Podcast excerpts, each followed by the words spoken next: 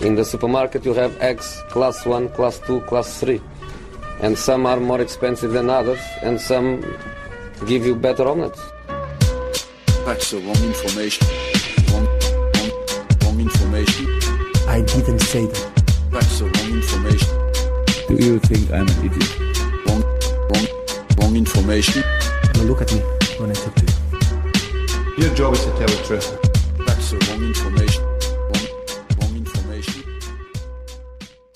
Sillypodden eh, rundar av saker och ting härifrån Makoto och Patrik Syketvi. Ja. Eh, Makoto Asahara, vi ska nu vara Till och med det, för, för, och efternamn på båda.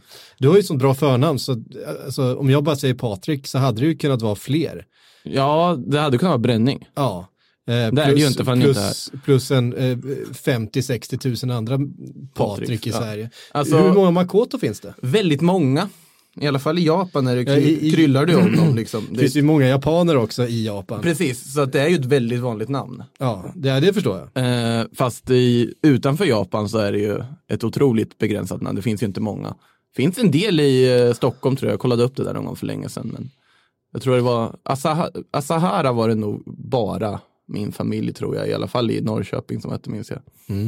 Ehm, Det är ju inte så du får leva med att det blir Makoto liksom. Ja, det, det köper jag. Vilket är roligt också eftersom du heter Asahara på, på Twitter. Och inte Makoto. Utan du Ja, heter... jag har inte ens tänkt på det. Ja. Ja, i och för sig. Eh, så om det är någon som har problem att hitta honom. Jag tror att De, de som har velat hitta mig känns som att de har hittat mig redan. Det går ju. Det går ju. Inte svårt. eh, vi, vi ska runda av saker och ting lite grann. Eh, Ja. Ett par saker först. Det blev precis klart. Eh, Premier League har beslutat. Är det genomklubbat nu? Det är genomklubbat att de flyttar deadline day till den sista augusti igen. Och nu råkar då den 31 augusti vara en så kallad bank holiday. Vilket det brukar ligga någon sån bank holiday precis eh, där i krokarna. Så att det är den 1 september klockan fem brittisk tid då, alltså klockan sex här, eh, är då den, den nya deadline day för de engelska lagen. Eh, vilket gör det hela mycket mer intressant, för då har vi igen då en enhetlig deadline day för Europa, även om det kanske är lite olika timmar och sådär som Ja men det är ju nu också. Eh, men eh, det känns väl som att det här experimentet man gjorde då, det kändes logiskt först när man gjorde det. För att du får då trupper som är satta inför säsongstart. Problemet var ju att andra ligor startar senare, andra ligor ville inte hänga på konceptet och det slutar med att Premier League-klubbarna då sitter och är rädda för att bli av med spelare i princip de här sista veckorna när de inte kan värva in. Så att det blev ju skevt och då förstår jag att man klubbar igenom det åt andra hållet. Att det, det var ett experiment ändå värt att testa men det gick inte. Nej. Ja, de, de eh, förlorade för mycket på det helt enkelt. Ja, Eh, så att det ganska, kändes ganska klart redan förra sommaren att det här var sista gången med, med det tidiga. eh, Med första och sista gången. Ehm, ja, två somrar var det väl ändå? Var det två? Jag tror det. Det kanske var två till och med. Men nu är Tiden går för fort. Nu är det tillbaks till eh, vanligheten eh, igen. Ehm, så det är lite silly-nyheter, eh, trots att vi är en vecka efter deadline day ungefär. Vi har andra lite silly-nyheter, eller transfernyheter, de rör Barcelona. Ja, de värvar ju aldrig någon anfallare innan, innan deadline. Och många reagerar på det. Och sen så gick ju Osman Dembélé sönder nu nyligen. Alltså, och det här är ju då bortsett från den totala kaos som har rått i klubben på att om vi drar det här kaoset först kanske man ska göra så man förstår bakgrunden. Att sportchef Abidal då gick ju ut och eh, kritiserade spelartruppen helt enkelt för att inte ha liksom försökt riktigt vissa spelare då under Ernesto Valverde som tränar dem då innan. Erne- Valverde fick sparken och Setien tog över. Att det var spelare i truppen som ville få bort honom och att man inte försökte och gav allt inför klubben. Och där fick ju då Lionel Messi av alla som brukar vara otroligt återhållsam när det kommer till den här typen av konflikter att gå ut på Instagram rakt ut och säga att ja men vissa spelare, nämn namn annars så drar du åt alla under skiten och sen kanske ni måste titta er i spegeln själva vad ni håller på med den sportliga ledningen. Så det blir en rakt upp en konflikt. Eh, De hade ett krismöte igår där ordföranden Bartomeu då åkte hem. Det ryktades om att Erik Abidal skulle få sparken som sportchef bara för att Lionel Messi hade kritiserat honom. Eh, Sen såg jag Konstigare saker har hänt. Ja, precis. Abidal har ju också varit, alltså även om han var en fantastisk spelare och otroligt omtyckt i Barcelona som spelare, så som sportchef så har han på något sätt bara varit Bartomeus högra hand utan att egentligen genomföra särskilt mycket. Och de, har ju kritiserats för truppbygget och det vi kan säga nu när man tittar på Barcelonas trupp de registrerat i Champions League så är det 16 A-lagsspelare registrerade i den truppen. Ja, det är ju... Det, alltså, och, och det, vad är det för truppplanering så att säga? 16 A-lagsspelare, jag, jag dubbelkollade och räknade i huvudet vilka det var när jag hörde siffran. Men, och det verkar stämma. Och nu räknas ju inte Ansu Fati som A-lagsspelare här då och Ricky Push räknas inte som A-lagsspelare. Men då har man alltså då lånat ut Todibo som var den fjärde mittbacken. Du har lånat ut Carles Alenia som var backupen på mittfältet. Du har Suarez borta, så han är ju inte med i den truppen. Och sen så fick du då skadesmällen på Osman Dembélé som blir borta resten av säsongen utan en anfallsalternativ som har värvats in. Carles Perez också lånats ut i Roma, så de har ju också rensat också reserverna utan att ta in något. Men i och med att du har den här långtidsskadan på Dembélé, så i Spanien, såklart i Spanien, så finns det en, kan man liksom få någon sorts ansöka om, vad heter det, att gå ifrån att få värva utanför transferfönstret. En dispens. Ja, en dispens, det var det ordet jag letade efter. Och eh, då finns det ju vissa krav på vilka spelare du får värva. Du måste värva inom Spanien, för det här är ett spanskt påhitt. Antingen så är det ju fri transfers, men det finns ju inte så mycket spelare tillgängliga skulle platsa i Barcelona. Eller att du måste punga ut utköpsklausulen. Ja. Och då har det ju vissa spelare då dykt upp som ska vara alternativ. Angel i Getafe som sitter på typ 10 miljoner euro i utköpsklausul. Eh, en bra anfallare men det är ju inte Barcelona-nivå riktigt. Jag såg någonstans att han är väl den sämsta passningsprocenten av alla anfallare som Det spelar. låter ju som Barcelona. det låter inte konstigt, men det är ju Getafe-kompatibelt rakt igenom. Stuani har jag nämnt i den här eh, podden tidigare. Han har också nämnts, han har ju en ganska blygsam utköpsklausul. Jag har för mig att man även får låna in spelare på något vänster också. William José ett annat namn som har dykt upp i det här. Loren Moron i Betis. Men det är spelare som spelar i Spanien som du måste plocka då. Och det har ju också begränsat det, men nu verkar de ju verkligen, de måste ha en anfallare för nu är Dembélé skadad. De måste få in någon, någon form av kropp in i det där bygget. För de har ju hamnat i ett läge som var värre än när man plockar in Prins Boateng i princip. Ja. Ja, Det är väl, precis. eh, men free transfer från andra håll då? Eh, Utan, ja, men free transfer, då tillhör man ju ingen. Ja, då får du ju ta. Men det, vilka finns där då? Adebayor.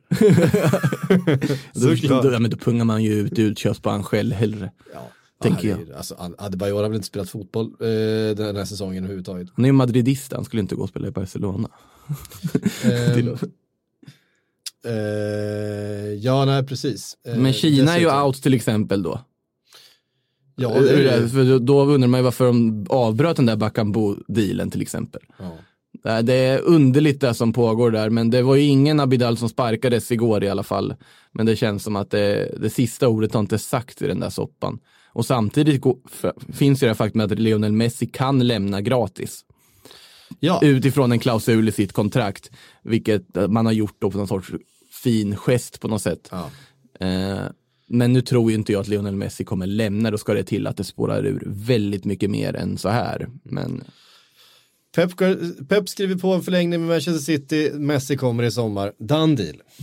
Fast Pep ska ju inte vara kvar i City, eller? Nej, nej, det tror inte jag heller.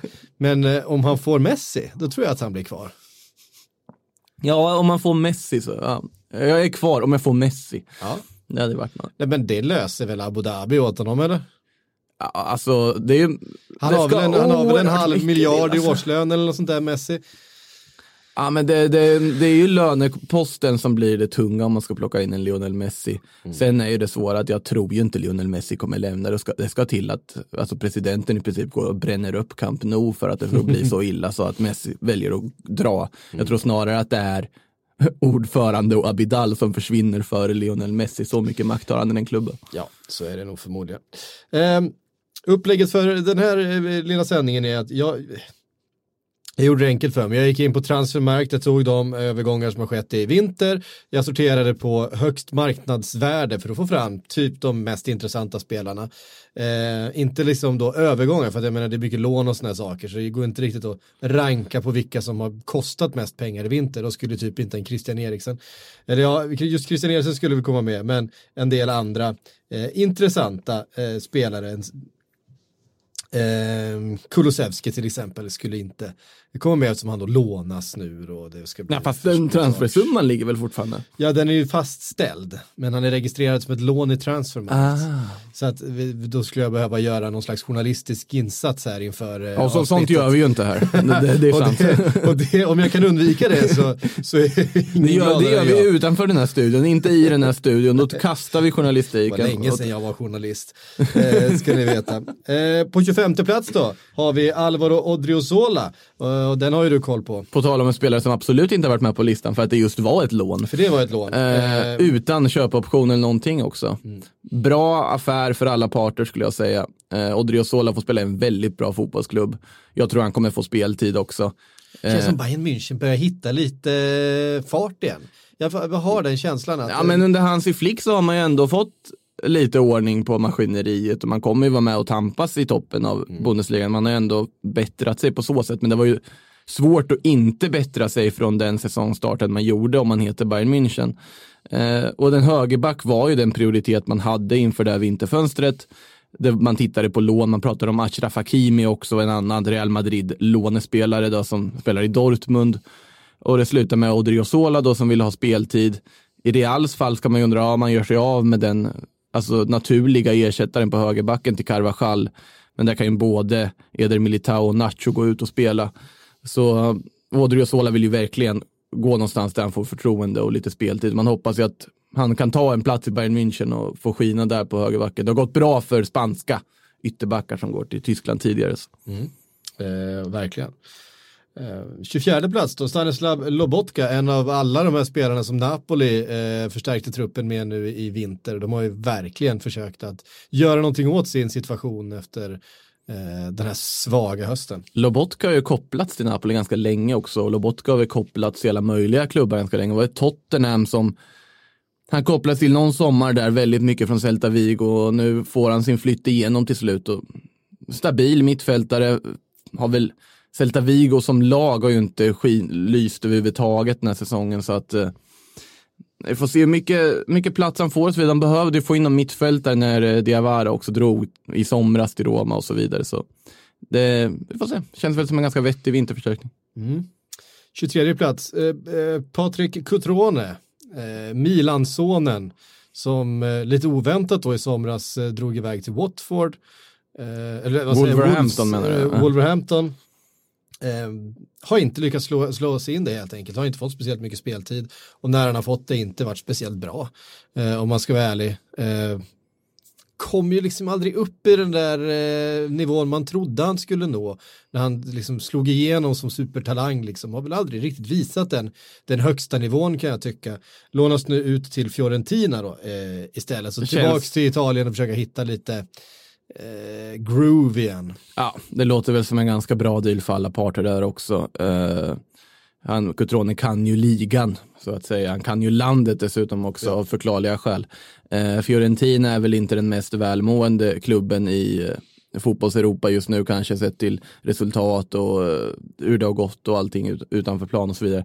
Men uh, Cutrone är ju van vid att spela i klubbar som är lite kaotiska också från sin Milan-tid. Det borde, ju, borde känns på förhand som en vettigt lånebyte. Vi har ju sett många sådana under det här vinterfönstret också, när spelare byter eh, låneplats så att säga.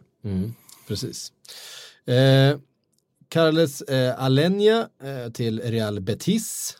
Inne på det här tidigare lite här att eh, Betis får en duktig mittfältare, skolad i La Masia, passar ganska bra till fotbollen som Betis vill spela också och de får in eh, extra gubbe till mittfältet. Barcelona förstår inte jag riktigt varför de lånar ut Alenia i det här läget, vad, vad de tjänar på att låna ut Alenia. För jag tror att det är en spelare som om man ska vara lite efterklok, som Kike Setien nog hade varit väldigt glad att få behålla i laget. Känns som en typ av spelare som Setien skulle gilla att ha och jobba med. Och särskilt när truppen är så tunn som den är. Så. Men bra, bra deal för Betis. Mm. 23 plats eh, Joao Pedro till Watford. Eh, 18-årig brasse. var inte så mycket snack om honom. Eh, men har ju varit, eh, är en supertalang från, från Brasilien. Eh, kommer från Flamengo va? Det står inte här, men jag tror att det var Flamengo som han kommer ifrån. Eh, till ett Watford som såklart har eh, eh, listiga ägare. Ska vi kalla dem listiga? Listiga.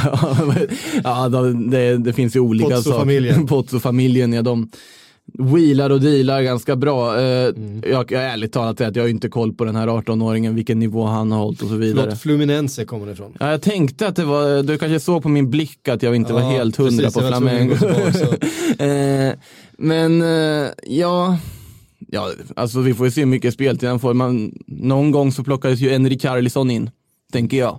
Och man kan ju, det är ju såklart ganska enkelt och ganska basic och ganska fegt att dra den jämförelsen kanske. För att jag inte har koll på Joao Pedro just. Men, Nej. men det är ju det, men vissa talanger prickar rätt och vissa gör det inte. Det är bara, det är bara lite tur, lite skicklighet att se dem som verkligen lyckas blomma även på den europeiska scenen. Precis. Eh, ja, men han, har, han, har en, han kommer med en viss hype, vilket ju Mm. såklart eh, brasilianska anfallare eh, gör när de kommer till England. när de är 18 år gamla och har gjort en massa mål i Brasilien. Eh, en annan eh, riktigt spännande spelare som kommer med väldigt mycket hype då är på plats 22, Jared Bowen som kommer från eh, Hull till West Ham. Och där var det ju många klubbar som var inne och Jättemånga Eh, Premier och, League-klubbar. och slogs om den ehm, signaturen. Han har gjort en supersuccé då. Eh, Inte bara den här säsongen faktiskt, han var riktigt bra i, i Championship även förra säsongen. Eh, ser ut att ha allting som en, eh, som en engelsk liksom, anfallare ska ha. Han är väl kantspelare i första hand, va? men, men eh, gör otroligt mycket mål. Eh, väldigt fin, oj, väldigt fin bollkontakt, eh, väldigt fin, liksom, eh, stora lungor, kan springa mycket, eh, rätt inställning, eh, har ju känts Premier League bound länge liksom. Eh, och att de, bara en sån sak som att han eh, att Transfermarkt inte riktigt har koll på honom. Han köps då för, för eh, 21 21,3 miljoner euro men Transfermarkt värderar dem till 10. Eh, det var ganska många klubbar som var beredda att betala mer än 10 miljoner euro eh, motsvarande då för Jared Bowen den här vintern. Han hamnade i West Ham, har då varit så smart att han har skrivit in en relegation clause i sitt kontrakt med West Ham. För att han, precis som alla andra, inser att eh, det finns en risk att, att West Ham ryker. Och man vill inte åka med det tåget ner i Championship, det är jag rätt säker på, för det kommer, det, det, det kommer inte vara, vara, vara så muntert på, på London Stadium eh, om det är så att man lämnar Premier League. Eh, däremot så är det en klubb som i det här läget kan betala en ganska bra lön eh, och som, ja, som har liksom ett, stort, ett högt anseende i England eh, och han kommer ju få spela, så är det ju de måste ju ha in eh, forwards. Eh, de har ju så mycket skador eh, på sina anfallare och de gör ju inga mål. Så att, ehm, det ska bli intressant att se ifall han får spela redan till helgen då mot Manchester City. Den vart väl officiell också precis efter deadline också. ja, ju- precis. Det, var typ sista... Ja, det var verkligen sista där. Newcastle var väl inne och petade också. Det vart ju, vad heter det, West Ham till slut då. Mm. Alltså med det där marknadsvärdet tänker jag dock att det finns ju också en sak att när du levererar i Championship, ja, så även din kvalitet är kanske 10 miljoner, Precis. så blir din prislapp det dubbla. ja. ja Ja, men det är- när en engelsk klubb köper. Så är det ju. Nej men det var ju också för att det fanns ett sånt ett intresse från många klubbar. Ja. Det pratades ju även om, Crystal Palace var ju de som, eh, som eh, utmanade främst då om den här signaturen. Och hade väl eh, egentligen samma bud på bordet tror jag. Och han stod och valde mellan Crystal Palace och West Ham och valde West Ham. eh, Till slut. Men det ska bli riktigt intressant att följa. Han är, ändå, han är ändå väldigt- 23 år gammal så att han är, det är inte så att han är en 17-18-åring Nej. utan han ska ju in och leverera nu. Eh, Det är ju inte mm, liksom ett, ett namn för, för framtiden så, utan han ska ju in och vara riktigt bra nu. Ja, relegation clausen som tog lite tid också där på deadline day. Det var ju den som när, drog ut på Precis, det. när de förhandlade om huruvida han skulle ha den eller inte och de, han fick ju igenom den till slut då. Ja, precis. Eh, På 21 plats, eh, eh, Christian Kouame till eh, Fiorentina. En till forward till Fiorentina, de måste få igång målskyttet. Eh, kommer in då på lån precis eh, som... Från eh, Genoa va? precis. Ska vi se här. Ja, ung lovande anfallare som jag inte riktigt fått att stämma igenom heller då. Kan man väl säga. Exakt. Ska se, jag hade, nu lyckades jag ändra på ordningen på eh, spelarna här. Men det stämmer bra. Eh, han, han var på 20 plats nu, ska jag säga. Det är inte Ja, 21 han- plats. Ja. Vem var på 21 då? Eller var det Bowen som var 21 då? Ehm, precis, nej. Ja, skitsamma. Vi kör, vi kör vidare. Vi går vidare härifrån. Vi kör vidare. Christian kom med i alla fall eh, till Fiorentina. Eh, på 19 plats, eh, Sander Berge Eh, norrmannen som då eh, klar, blev klar för Sheffield United. Han är en av de få som faktiskt eh, fick ungefär precis sin värdering. Marknadsvärde på 22 miljoner euro, kostade 21,5 miljoner euro för Sheffield United. Mm. Eh, defensiv mittfältare och en del i den här läskiga norska generationen som är på väg fram nu. då. Den är riktigt fin alltså. 21, 21 år gammal eh, och det är klart, Sheffield United det är inte det liksom sexigaste klubben att gå till, men som de presterar just nu så kommer han ju spela Premier League-fotboll den här och definitivt nästa säsong också. Eh, eh, Sheffield United är bra eh, och jag tror att han kommer vara riktigt nyttig. De behöver eh, få in kvalitet i det här skedet. De måste på något sätt kapitalisera på den framgången de har haft den här säsongen och på den positionen de har. Han är ju stor alltså, den där alltså, tung, stor mittfältare. Vill bara kom, pudla lite på KME, han gjort ändå fem mål på elva matcher ser den här säsongen sen nu, så det där med att han inte riktigt lyckades i Genoa känns som lite hårt mot en 22-åring. Eh, I alla fall, Sander Berge, det in, förutom att den värvningen är den dyraste Sheffield gör någonsin i klubbens historia, man får in en hypad mittfältare som eh, då man trodde var på väg till Manchester United fram tills eh, journalisterna som var på plats på Carrington insåg att det var reservmålvakten Bishop som var på väg in istället som var Det liknande. var fel United. Ja, ja precis. Och den, sen var det Sheffield då, prestigevärvning för dem att de prickar rätt. Han fick ett jättefint mottagande när han kom dit också. Absolut. Dock för oss som spelar eh, Fantasy Premier League så är det ju mardrömsbesked för det här innebär att Sir John Lundström bänkas i och med den här värvningen. Han är redan ute ur mitt lag ska tilläggas efter lång och trogen tjänst. Ja. Eh, nej men, eh, en av de här spelarna som kommer från det här hypade Genk då som tog sig till Champions League Mm. Vad och, de gjorde- och gjorde bra ifrån sig i Champions League eh, mot, ja, men både mot Salzburg, Liverpool och, Mm. och, och Napoli i den gruppen. Även om man då såklart kom sist i gruppen med det motståndet. Eh, Salzburg var ju eh, på tredje plats och Salzburg var riktigt bra ska sägas med Mm. Haaland och gänget. Ehm, vi Inte det väl till Salzburg som en, mötte eh, ska se MFF en gång i tiden. Samatta tar sig in på, på han tar, kommer inte ta sig in, så vi kan ta Samatta med en gång här då. Ja, han gick ju till Aston Villa. Precis, Eh. eh, också från Genk då, så att eh, de raidas lite nu då i, i vinter, men de har fått bra betalt Genk och kommer kunna bygga upp, de har ju en jättefin ungdomsorganisation i Genk, eh, fin, välskött förening liksom. Eh, Precis, det är det som är skillnaden också mellan Genk och Gent. Att i, i Gent så det är dit alla svenskar går och eh, bara vad ska man säga, försvinner ut i intet, evaporeras som fotbollsspelare på deras bänk. Medan Schenk då är klubben som faktiskt går bra och fostrar spelare och så vidare. Så där kan man göra den distinktionen om man har svårt med språket. Samatta måste man ju nämna att det var jättefina bilder från, han var den första från Tanzania någonsin att spela i Premier League. Och det var en stor samling som samlade vid en utebio i Tanzania för att se när han hoppade in för första gången i Aston Villa. Och, otroligt fina bilder på vilket stöd han fått från hemlandet nu när han gör den här Premier League-flytten. För de är helt galna i Premier League i Tanzania tydligen. Ja, ja, ja, herregud. Alltså hela den delen, eh, hela den delen av världen, jag har ju varit där eh, och rest runt. Det är ju, det är helt galet. Det är på en nivå där man inte, som man inte kan förstå. Alltså, Är det norsk Pre- Premier League-hype? Eh, ja, det är värre skulle jag ja, säga. det är värre till och med. Ja, vi bodde då i, i Kigali i Rwanda.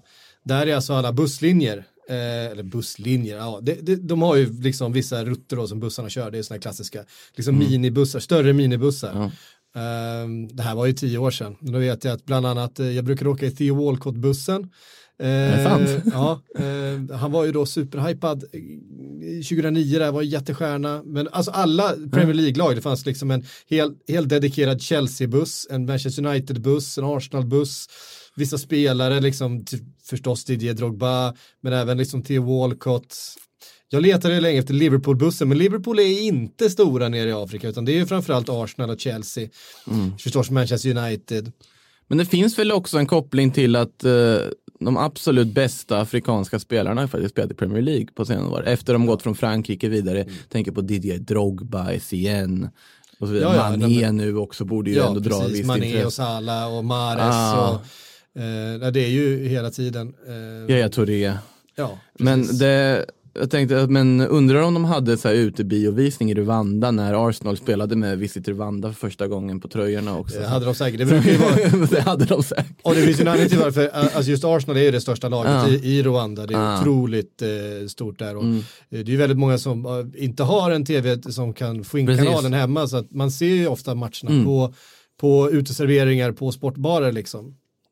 Och det kan vara otroligt mycket folk. Mm.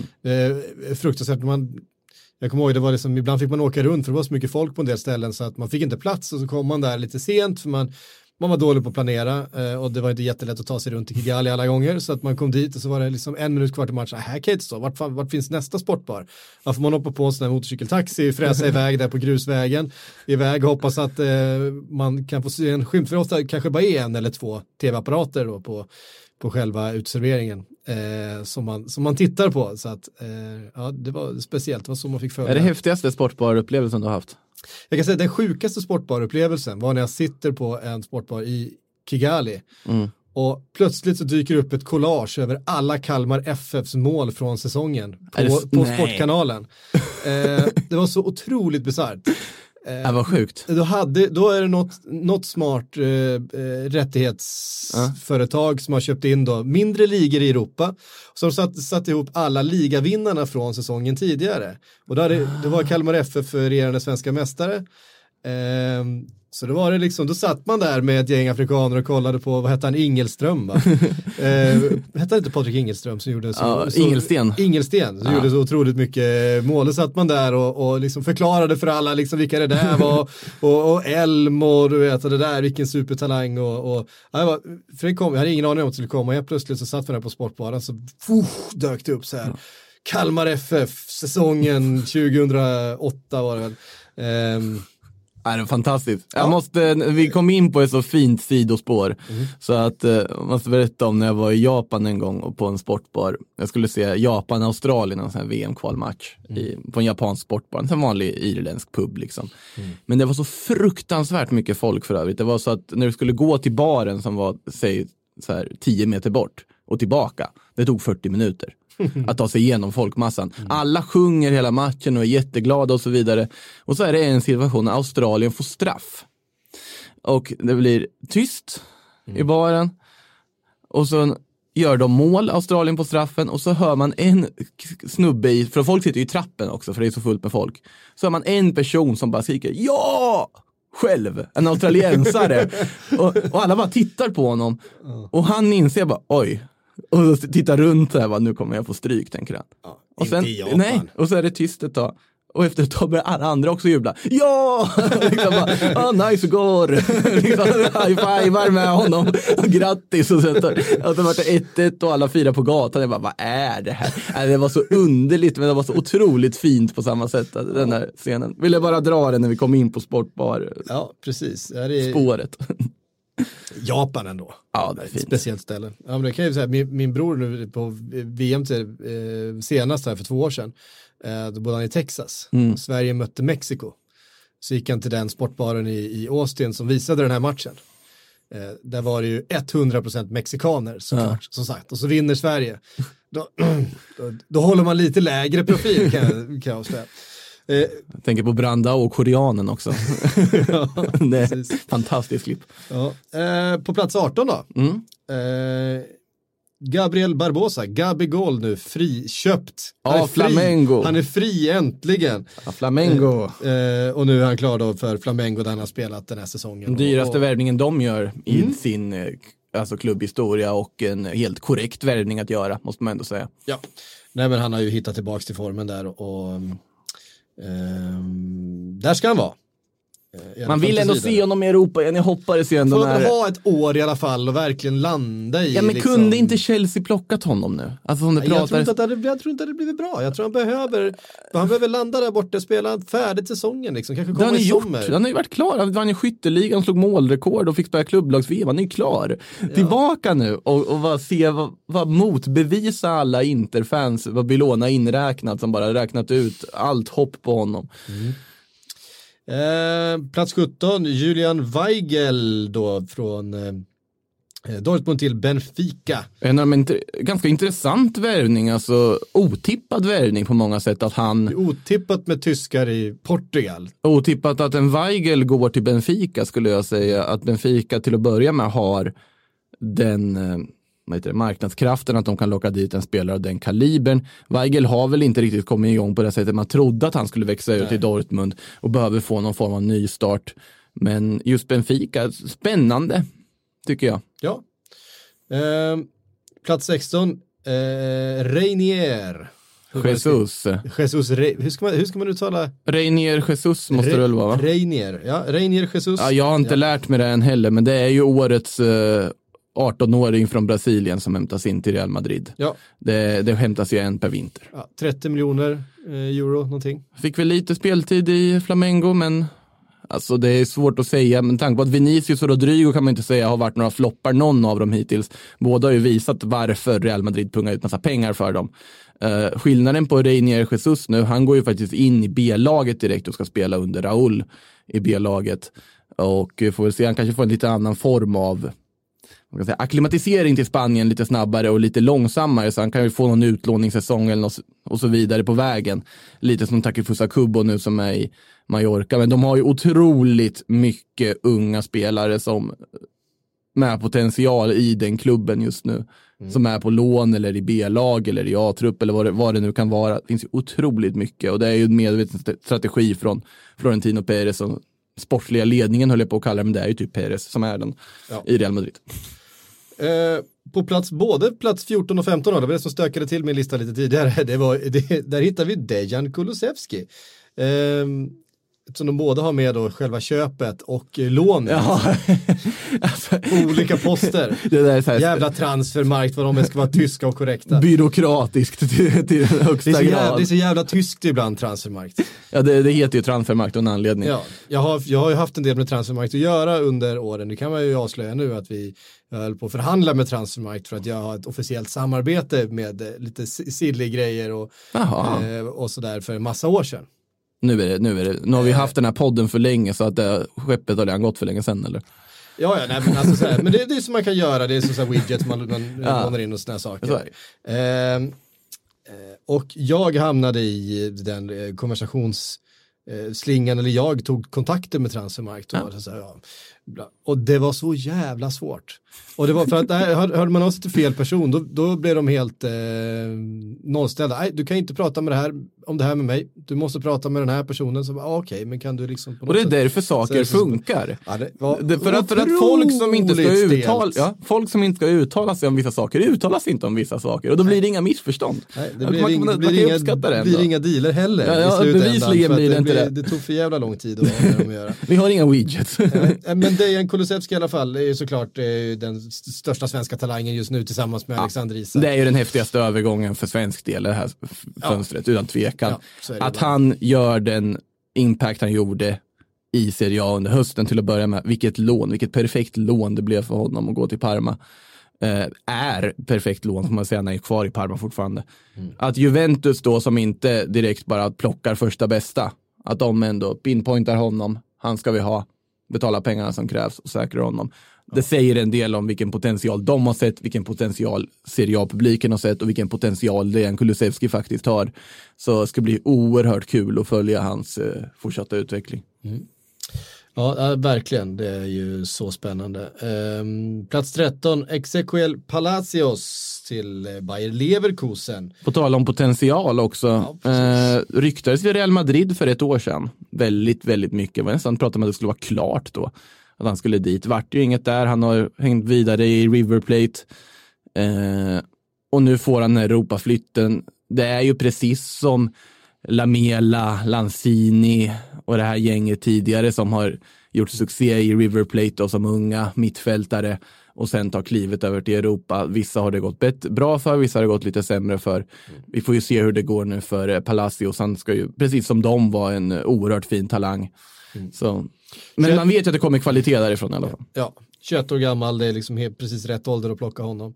Ja, men det är precis som när Lamela gick. In och kör bara. Ja, det är precis som när Lamela gick skulle jag säga. Eh, plats 12, Yannick Carrasco, tillbaka till sitt Atleti då. Eh, på lån från den kinesiska klubben då i, i eh, efterdyningarna av det här coronaviruset som stängde hela ligan där borta. Så fick man låna, låna ut några av sina dyraste löner då. Eh, Sen lämna- finns ju en aspekt också, jag vet, tror inte vi tog upp den under deadline day-sändningen, men det här om att eh, det finns ju vissa lönetakskrav och sånt som har skärpts i Kina, vilket också gör på sikt att spelare kan vilja lämna. Sen så har väl, vad ska man säga, coronavirusutbrottet har väl skyndat på den här processen något.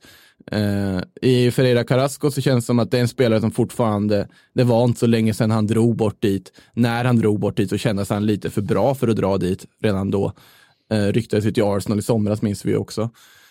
Atletico får en spelare som verkligen kan hur det är att spela under Simeone, som har gjort det bra under Simeone. Och man löser ett kortsiktigt problem här nu med att få in någon. Sen när man inte fick Cavani, nu är inte det samma typ. Atletico behöver fortfarande en nummer nio. De är fortfarande i desperat behov av en nummer nio.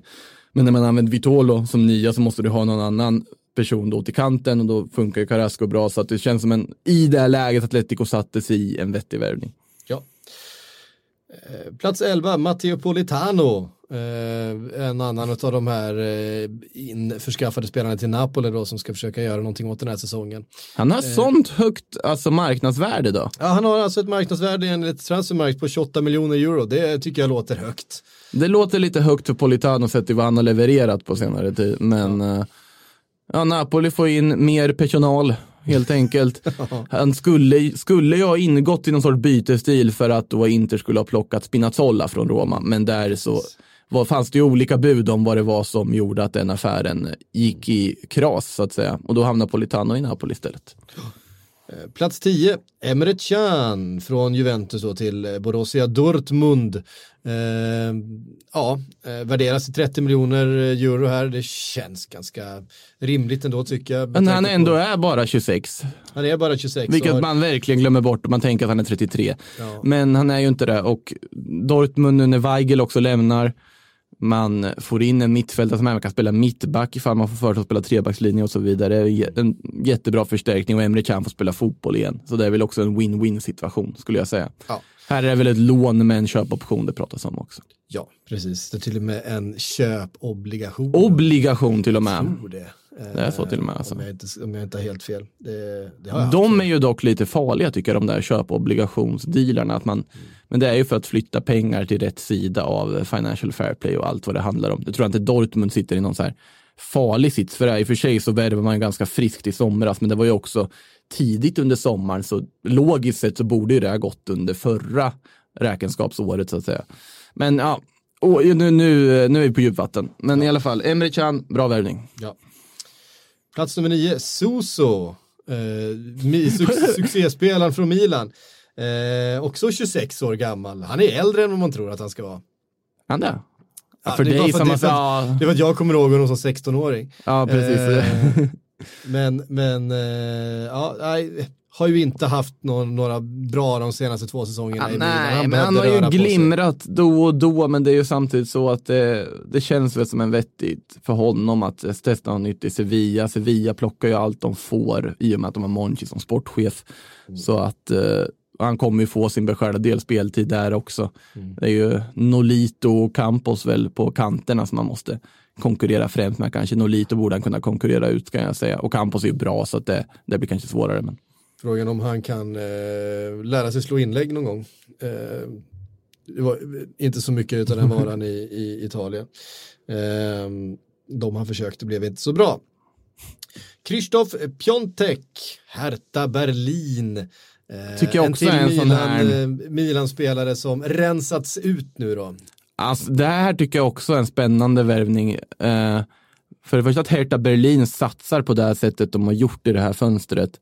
Eh, de ska tillbaka, och de, eller de ska tillbaka, de ska bli en toppklubb i Bundesliga. De ska vara med och tampas där uppe.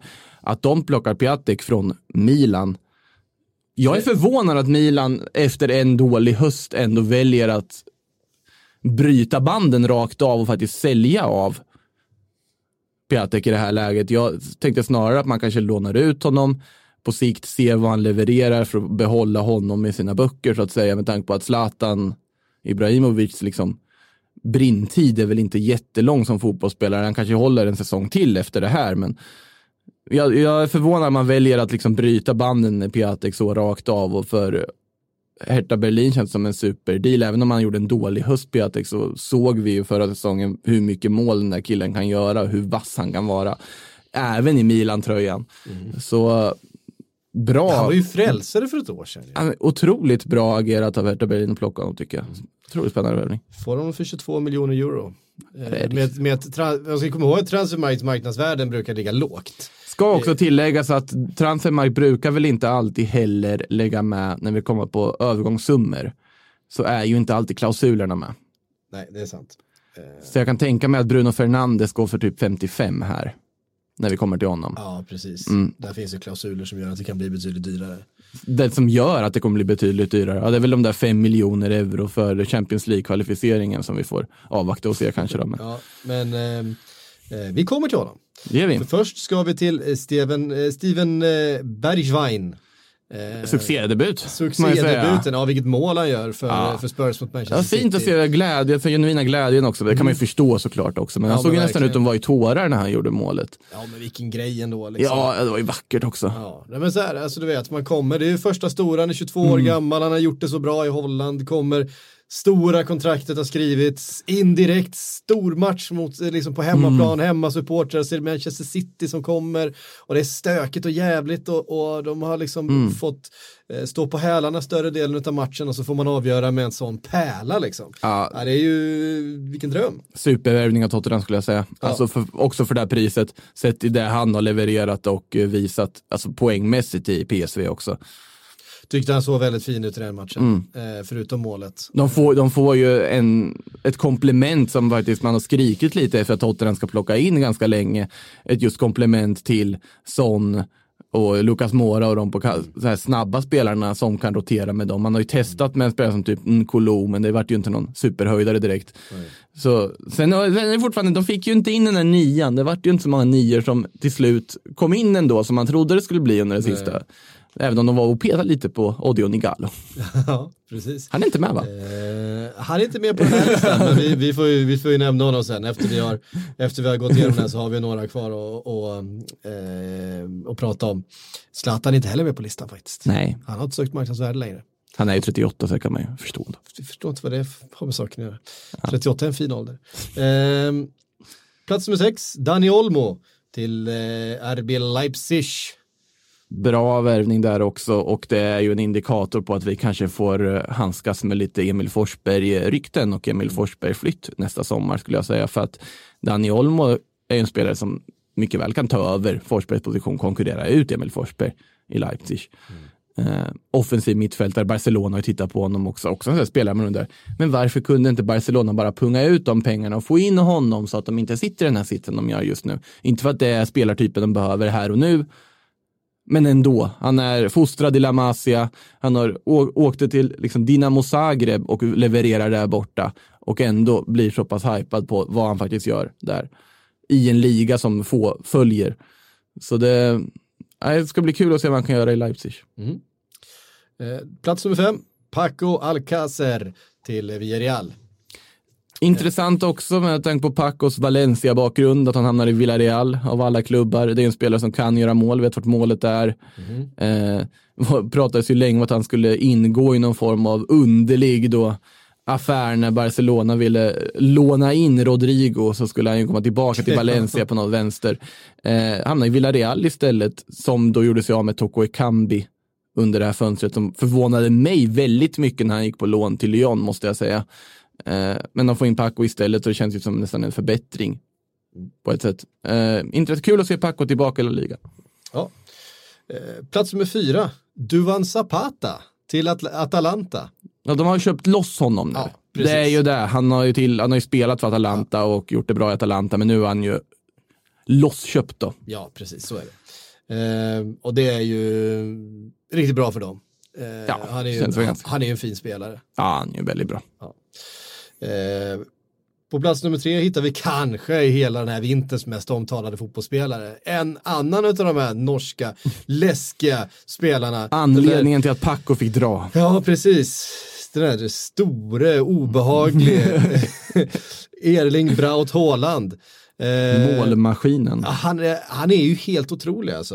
Eh, för 20 miljoner euro Eh, fick de alltså loss honom, eh, Borussia Dortmund, och lyckades pressa upp den här utköpsklausulen ganska högt så att de kommer få tillbaka en del pengar. Eh, Samtidigt så har jag, jag har varit inne på det förr under den här vintern också, att de på något sätt fastställer sig själva som en feederklubb också. De fastställer sig själva som ett steg uppåt i, i hierarkin. det här ska ju vara där anledningen till att Manchester United inte skrev Exakt, kontraktet. och att Juventus inte heller ville göra det för att de inte vill sätta sig i den sitsen. Eh, och där kan jag ju förstå, ja, man ser Haaland har ju levererat som bara den. Men, Ja, men, man, men jag förstår oron att man inte vet vad han skulle gå in och leverera här och nu. Nu har det visat sig att han kan sannoliken leverera här och nu och hade nog förbättrat United här och nu. Och man kanske skulle ändå förhandlat in den, men samtidigt så för Dortmunds del som aktivt jobbat med att inte ha den här typen av klausuler för att bli liksom sönderköpta när de väl bygger någonting, förhandla ändå in den. Nu gör de en garanterad ekonomisk vinning om han levererar. Vilket jag förmodar att han kommer fortsätta göra, att den där eh, klausulen kommer att aktiveras när den väl blir aktiv. Men det är ju långt fram till dess. Det kan ju hända väldigt mycket fram till dess också som gör att Haaland kanske blir kvar eller att det inte riktigt lyckas för honom. Så även om man har kastat in mål bara lite på skoj här i sina första matcher så får vi ju se hur, hur länge den där galna formen kan fortsätta. Han har alltså gjort sju mål sedan han kom. Han gör, han gör, Fyra matcher va? eh, han, har, han gör mål var 19 spelad minut. Så här långt. var, var det 19 spelad minut så här långt. Eh, Ja, men, alltså i ligan pratar vi nu i, I ligan ja. Ja, precis. Han har ju väl gjort mål i kuppen också. Han gjorde dessutom två mål i kuppen så att, eh, ja. Ja, det är helt bisarrt faktiskt vad han har levererat. ja.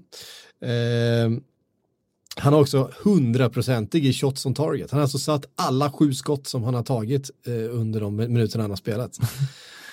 Det, är, det är ju en... Eh, Sen ska det ju tilläggas också. det är ju inte de svåraste målen han har gjort. Nej, det ska tilläggas att han har ju kommit in i en Dortmund-offensiv som sett bättre och bättre ut. Jadon Sancho har hittat tillbaka till en riktigt fin form där framme. Du har en Julian Brandt bakom också som har börjat leverera. Dortmund har ju börjat, Favre har börjat pricka rätt på de här alltså knapparna nu med offensiven. Då har de ju oerhört bra spelare och kan spela en väldigt, väldigt fin fotboll. Jag tror att det är väl Paris som har dem i Champions League åttondel har jag för mig va? Det, kan, det är inte en lätt nöt att knäcka för dem alltså. Nej. Eh, och jag menar, vi har ju sett hela den här säsongen alltså i, i, i Salzburg. Haaland gör ju alltid mål. Han gör ju mål. Han gör ju mål. Alltså eh, även matcher där han har varit skadad, han kommer in från bänken. Han gör ju ett mål. Därför att det är det han gör.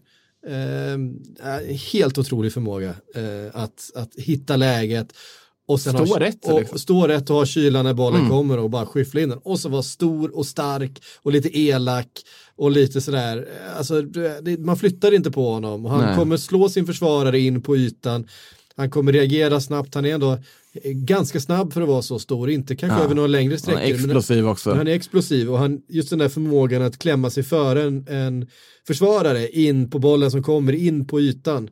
Eh, där är han ju exceptionell på. Han har så här egenskap man uppskattar i hockey också. Jag vet i cupmatchen här nu så vart det lite gurgel. Där när det var en, vad heter det, en situation med Moisander och uh, unga amerikanen i Dortmund, Reina. Så var ju en av de första som var inne och gruffade var ju Haaland som skulle upp och Han har väldigt, han har väldigt mycket den auran.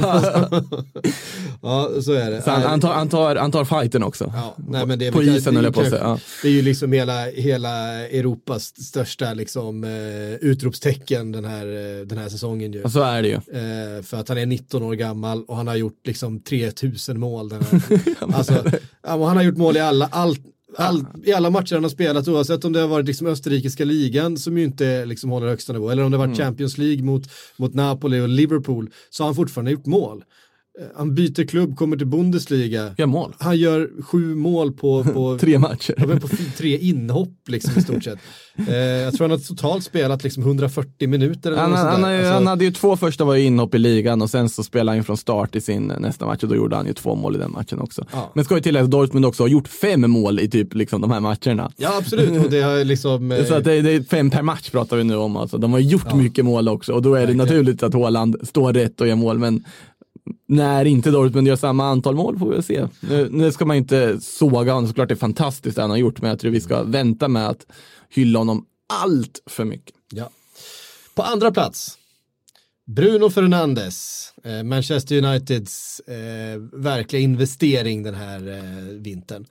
Eh, Hade väl alla skott som United tog i sin debut i första halvlek. Ja, och några riktigt fina skott. Eh, ska sägas. Så inget som, det var inget som riktigt hotade, men, men man ser ju att han har ett, eh, ett riktigt bra tillslag. Och man ser hur frustrerad han kommer bli efter ett tag när det var många situationer i den här matchen mot Wolverhampton där han står så otroligt fina lägen. Där jag vet inte vem det var, olika lägen, om det var Daniel James eller om det var någon ytterback eller någon, som istället bara går och bara krånglar till alltihopa och liksom inte överhuvudtaget slår den där passningen.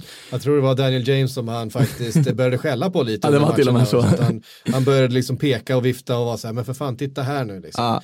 Eh, Eh, och, också att eh, Solskjaer flyttar ner honom som sittande i den matchen. Det var ju också, vi behöver en tia, vi flyttar ner honom som sittande i hans debut. Det blir, det blir bra.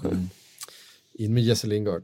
Ehm, nej men eh, han, han eh, ska såklart in och ha en effekt direkt eh, i det här laget. Och det är ju en jätteinvestering.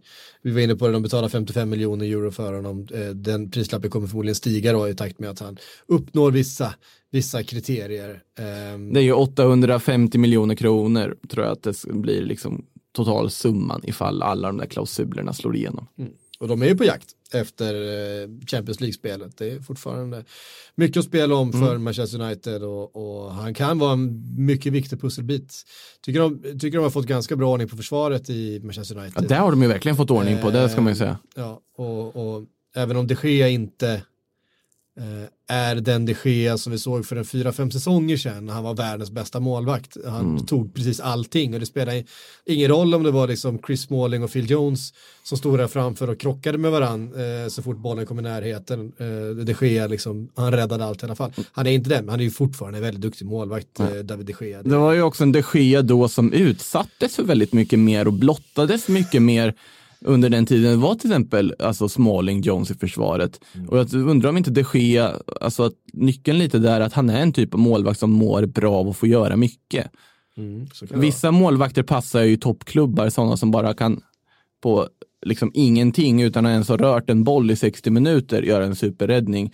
Finns vissa som, typ Ter Stegen tänker jag på till exempel, som är en sån målvakt som bara kan puff, bara gå in och leverera fast han inte gjort något under hel match. Vissa andra målvakter behöver ju få mycket skott på sig för att kunna, och så framstår de som världens bästa målvakter bara att de har väldigt mycket skott mer att göra än andra målvakter som kanske är bättre men har mycket bättre försvar framför sig. Ja, Nej, men det som har fattats har ju varit eh, kreativitet på mitten eh, framförallt för att de har en. Mm. Rashford även om han nu är skadad och kommer vara skadad en, en stund till, vi ska prata lite Igalo före vi knyter ihop också. Ehm, men eh, de, de behöver få in Bruno Fernandes där och de behöver få honom att fungera. Ja. Jag tycker Fred, McTominay och så vidare, det är bra komplementspelare till, till en riktigt bra spelare. Nu har väl Pogba också signalerat att han faktiskt kommer spela fotboll för Manchester United även den här säsongen. Eh, Ja, var ska han annars spela?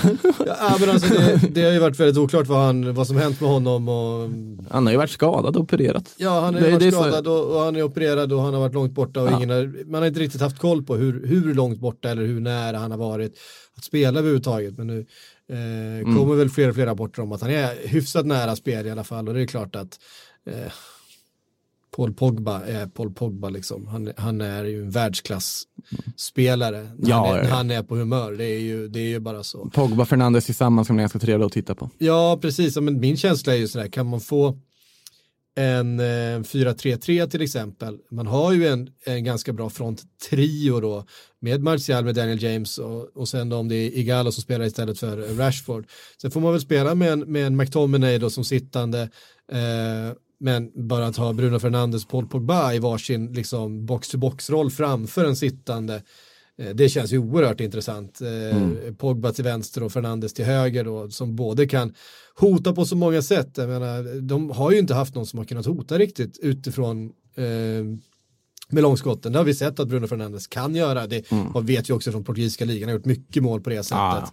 Eh, och på, Paul Pogba kan göra vad som helst. Det, är ju, det vet vi också. Liksom. Han, han har ju alla verktyg i sin, eh, i sin låda. Men vi ska nog inte räkna bort United den där CL-striden. Nej, alltså kan de få ihop det här Ja. kan de få tillbaks Pogba och sen de här liksom, sista viktiga, liksom, eh, eh, då kan nog Manchester United bli att, eh, att räkna med igen och kanske bli någonting att bygga på. Sen om det är Solskjaer som ska göra det i framtiden, det är jag ju tveksam till. Men det, Och sen om Pogba är kvar vet vi inte heller efter sommaren och så vidare. Men Han ska nog ryktas bort finns, några gånger. fin, Man glömmer det, men det finns ju kvaliteter i det här laget. Liksom.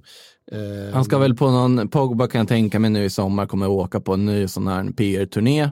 Om det blir Japan igen eller om det blir något annat, det vet jag inte. Men då så kommer han ju under någon av de här turnégrejerna samtidigt som han slår frisparkar över sumobrottare igen. Då Mm. kommer han ju säga att ja, men, jag är lite trött på United, Puff, så drar allting igång. Åh, Real Madrid, Real Madrid, Real Madrid. Och så kommer det sluta med att ingenting. det, är så det känns i. Vill du ha honom till Real Madrid? Inte idag. Inte idag? Förr, förr hade jag sagt ja, förr, var, förr hade jag sett Pogba som liksom drömvärvning till Real Madrid. Nu ser jag väl inte riktigt som det, för nu finns det ju en Fede Valverde där som gör det fruktansvärt bra.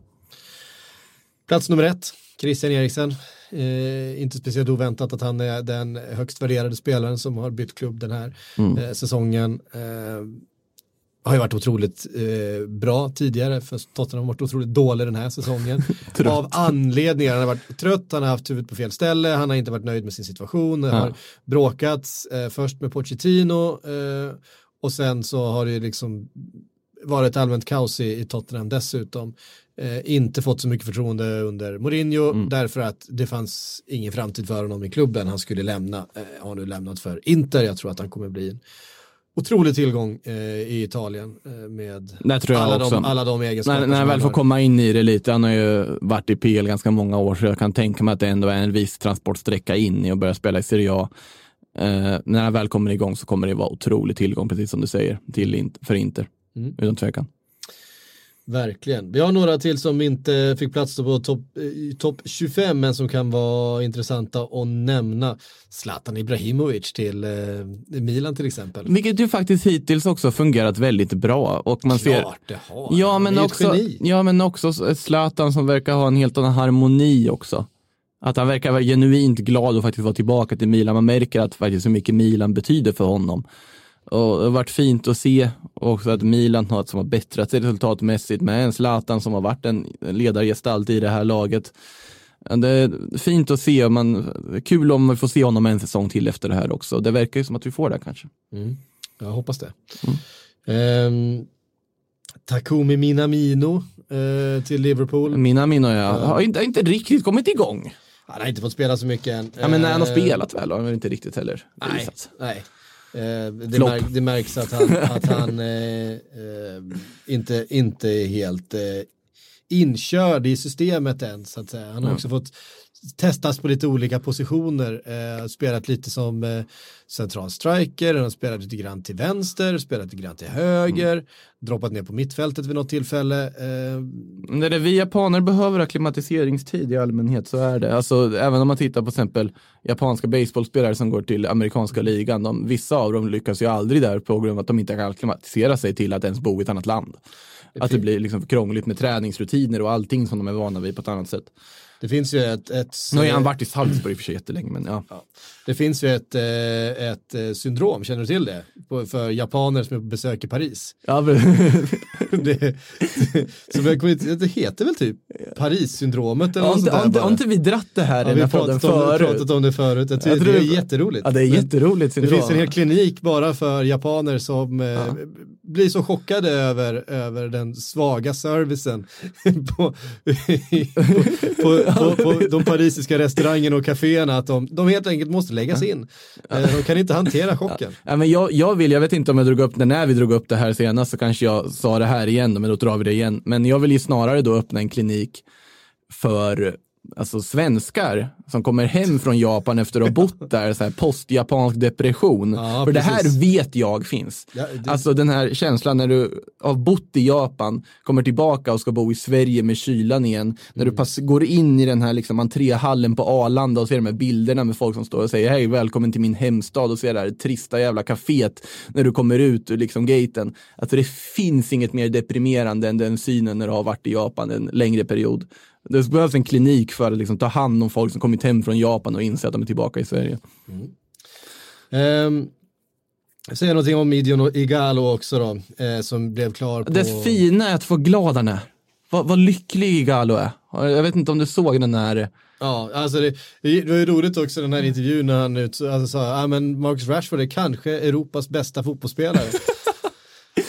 Det är ju rätt sak att säga ju. Ja. Eller han sa väl, jag tror att han egentligen sa eh, bästa unga spelare, men rubriken på själva klippet blev bästa, bästa spelare. Eh, men, men, eh, ja, men det är klart att han är glad. Ja, Det är ju- alltså det är jättefint. Fan, vilken jävla, vilken andra chans liksom eh, för honom i hans karriär. Eh, Han la ju upp en bild, jag vet inte om det var idag eller igår eller vad det var, men bara Ja, här är en bild på när jag var besökte Old Trafford 2014. Nu ska jag spela här. Liksom så här. Ja, Ja, jag tyckte det var jättefint och då känns det ju ändå som att även om man skrattat åt liksom paniken i det United har gjort så blir man ändå glad av att se att det är en kille som verkligen vill spela för United som kommer dit.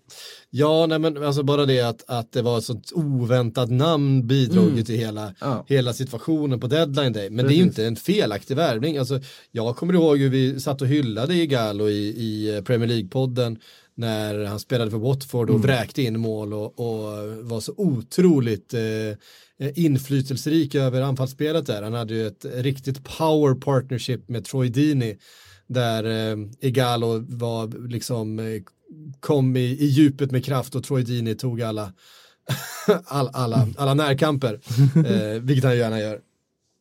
Eh, nej men eh, det kan säkert bli riktigt bra. Mm. Eh, jag tror det.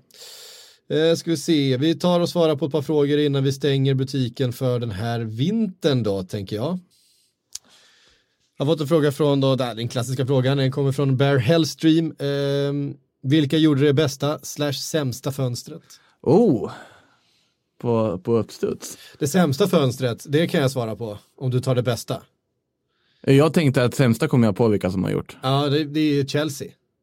Tycker du det? Ja, därför att eh, helt av den anledningen att de inte värvar något och de, de arbetade så hårt med att få det här transferförbudet upphävt. Ja, jag säger Barcelona. Eh, ja, men det, det kan ju mycket väl vara Men så också. deras fönster är ju inte slut än. de, de kör sitt eget fönster. Ja, Eh, så där ska vi kanske inte såga dem än, men jag tycker att sett till också spelare ut. Vad har Chelsea förlorat? Nej, men de har väl inte sålt något direkt heller. Nej. Eh, De har varit nöjda med hur det sett ut. Det, det är mest den situationen där de, där de arbetar så hårt för att faktiskt få värva. Och så värvar de inte när, Ja, de, det, när de väl det är ju får helt värva. bisarrt på så sätt, ja. Och Lampard var uppenbart frustrerad över det här att de inte har lyckats eh, lösa, de, har de är i behov av en, av en forward ju. Eh, Ja. Precis som alla andra. Ehm, nej men det är ju, Ja, vem, vilka har gjort det bästa då? Jag tycker faktiskt Tottenham har gjort ett fruktansvärt bra fönster. Eh, jag tycker att Hertha Berlin har gjort ett fruktansvärt bra fönster. Jag skulle säga att AC Milan i- faktiskt gjort ett väldigt bra fönster de, även har lyckats, de. de har lyckats rensa ganska mycket dödkött ju. Fått Ja. iväg Soso och så vidare eh, som, eh, och fått pengar för honom. de har ju Spelare som- finansierat mycket. Ja, Inter har ju såklart gjort ett väldigt bra fönster. Inter ska vi ju kanske säga också, sett till resurser, att man ändå får in Eriksen direkt. Du, ja, Victor Moses och Ashley Young, du kan säga vad du vill, men du får in spelarpositionen du behöver. Inter ska absolut nämnas i den här eh, diskussionen också. Dortmund har gjort ett jättebra fönster, Haaland och Emre Can, samtidigt som man får iväg Julian Brandt. Eh, Får iväg Julian Brandt. Eh, nej, Julian Weigel, förlåt. Ja, precis. här Ja. Brandt, Brandt kom i, alltså på sommaren skulle jag säga, Dortmund var ett av de lag som gjorde det absolut bästa fönstret i somras när de tog in Torgan Hazard och Brandt och alltihopa. Mm. Eh, ja men absolut, Dortmund ingår ju här i den kategorin också. Det är många lag som gjort Det är några som har gjort bra, bra fönster faktiskt. Mm. Absolut. Eh, vi tar en eh, fråga till. Eh, Virvel undrar, eh, vad hände med Cavani? Hur tusan blev inte den affären klar? Det var ju tydligen bara en tidsfråga innan han skulle bli kvar. Eh, Blink-smiley till oss då, eftersom vi nog har slagit fast att det bara var en tidsfråga. Nej, det, blir, det löser sig Ja men det är fortfarande en tidsfråga för han går ju till Atletico i sommar. Det blir till sommaren istället. Ja men alltså det, det, det var ju det jag reagerade på att först i början av det här fönstret, innan det är öppnat, så kommer Di Marzio och andra med så här uppgifter om att Cavani har redan ett pre-contract med Atletico färdigt tills han slutar. Och sen kom plötsligt en massa engelska klubbar blanda sig i, men han har ju bara velat gå till Atletico hela tiden. Det känns som att den affären har varit klar. Den enda frågan har varit, kan Atletico köpa loss honom från PSG redan nu? Uppenbarligen lyckas inte de med det och jag tror att Cavani går på fri transfer till Atletico i sommar. Eh, jag vågar nästan satsa pengar på det skulle jag säga. Och jag satte inte ofta pengar. Nej, precis. Albin Norr skriver, psyk får ta över som president i en klubb. Ja, tack så mycket. Hur fördelar han underrollerna eh, med andra Sportbladet-anställda som medarbetare? Makoto som sportchef, Frida som chefsscout. Ja, alltså... Eh, Jag tar gärna en sportchefsroll, det får jag ju säga. Den, det, det värmer att få höra att man ändå får det förtroendet. Ja, men eh, om du blir, blir eh, alltså Kalle Karlsson måste ju bli tränare. Ja, ja, såklart. Det finns ju ingen annan som har den alltså, kompetensen för att träna ett lag. Han är den, en, han, han är den enda med licens. Så att, det är också det är underförstått. ja, nej, jag, jag, kommer sätta, jag kommer sätta Per Boman som videoanalytiker. Eh, han har ett Ja. jävla bra öga. Mm. Eh, Frida är en bra chefscout, hon kan åka ut och mingla på, eh, på eh, arenorna. Ehm, sätter Patrik Bränning som maskot. Eh, eftersom han inte är här idag. Sociala medier-ansvarig. Ja men sociala medier-ansvarig kan han få. Ehm, eh, Inte för ja, att det ska likställas har maskot vi? ska tilläggas för alla som jobbar med det, utan det är väldigt viktigt arbete ska tilläggas. Men i alla fall. Vad har vi för funktioner egentligen? Vad har vi för folk tänkte jag säga precis. Ja, precis. Nej, men alltså, Robert Laul ska ju in där. Jag tror att eh, Laul får jobba fasta situationer. Det känns som han gillar. Eh, han, får, han får ta över fasta situationer. Eh, Bank och ja, men, eh, Simon Bank eh, får, eh, han får ta över PR-rollen. Han får ju vara ansiktet utåt. Ja, men ska inte han vara någon sån här eh, diffus eh, roll, typ så här teknisk direktör-roll? Ja, exakt. Det, det, det, tror jag. Det, det, men alltså, om det, Simon Bank är ju den från styrelsen som går ut och, och, och uttalar sig. Liksom. Ehm, med, eh, med, med pondus och karisma. Men var ska vi, var ska vi ha in Niva någonstans? Jag vet inte. Eh, jag tror kanske att eh, Erik Niva får ehm, Du får peta mig som sportchef om du vill, Ah, det ja, men vet jag du. tycker inte att, alltså, jag, så, alltså sportchef, skulle bara haft någon som var en, en jävel på affärer egentligen. Jag vet inte om vi har någon på Aftonbladet som är en jävel på affärer. Eh, vem är en stenhård förhandlare? Ehm, ja, det är en bra fråga alltså. Kroko kanske. Krokorna var världens varg. jag, jag tänker att vi ska undvika att nämna liksom chefsposter och sånt där när vi sitter här. Och Ja, precis. så därför kanske vi utesluter att, eh, ja, jag vet inte. Eh, ja, men vi sätter Erik Niva i klubbshoppen. Ehm, och sen... Eh, ja. Tröjansvarig tänkte du Ja, eller? precis. Han, han får eh, hålla koll på alla tröjor. Ehm, Leifby som materialare, jag tror ändå han gillar stämningen liksom. han, han, han älskar att fylla på en vattenflaska. Ja, han gillar ju den här gräsrotskänslan, men måste ändå behålla den också. Så han får, eller så var han kanslichef. Och någonting säger mig att det här inte är en, eh, en toppklubb vi pratar om. Vi måste ha ett kansli. Ja, exakt. Även, Ja, man var kan, kanslisekreterare för Ja, Leifby. ja, där har vi det. Ja. Eh, bra, vi tar en fråga till. Vi kan Eh, inte avsluta på den noten. Nej, det går inte. Nicke Ponken skriver, eh, om du inte, det riktas till dig då Makoto, Ja. om du inte får säga Stuani, för jag vet att det är ditt svar, vem ska Barca då plocka in? Det, det är faktiskt en ganska bra fråga, för jag skulle ju säga Stuani.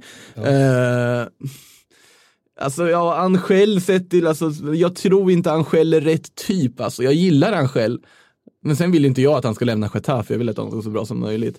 Men det ska inte jag ha i åtanke när jag tänker på vad Barca ska plocka in. Eh, om man kan få en bra deal i och med att du spelar den fotboll du gör. Stoani är den taget skulle jag kunna tänka mig. William José är en annan, men William José tror jag blir för svår att lösa. Om vi tittar på så här realistiska alternativ här nu.